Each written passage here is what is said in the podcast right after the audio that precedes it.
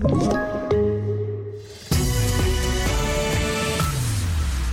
TV4-nyheterna börjar i Storbritannien där premiärminister Boris Johnson inför ett system med lokala virusrestriktioner på grund av den ökade smittspridningen.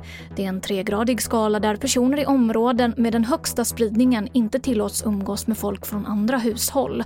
På de flesta håll så kommer medelnivån att gälla vilket innebär att max sex personer får träffas samtidigt och att pubbar och restauranger måste stänga klockan 22. I laboratoriemiljö så kan coronavirus överleva på släta ytor som mobiltelefoner, sedlar och rostfritt stål i upp till 28 dagar. Det här visar en ny australiensisk studie enligt BBC.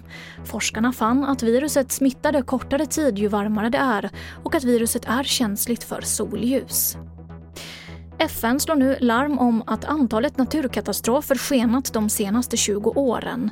Sedan år 2000 så har de nästan fördubblats och orsaken är enligt FN klimatförändringarna. Och svenskarna har blivit mer missnöjda med sina mobilabonnemang på grund av pandemin enligt en undersökning från Svensk kvalitetsindex, SKI. Nästan var tredje kund är missnöjd med sin nuvarande teleoperatör och anledningen är att vi är mer beroende än vanligt av att till exempel uppkopplingen fungerar enligt SKIs VD.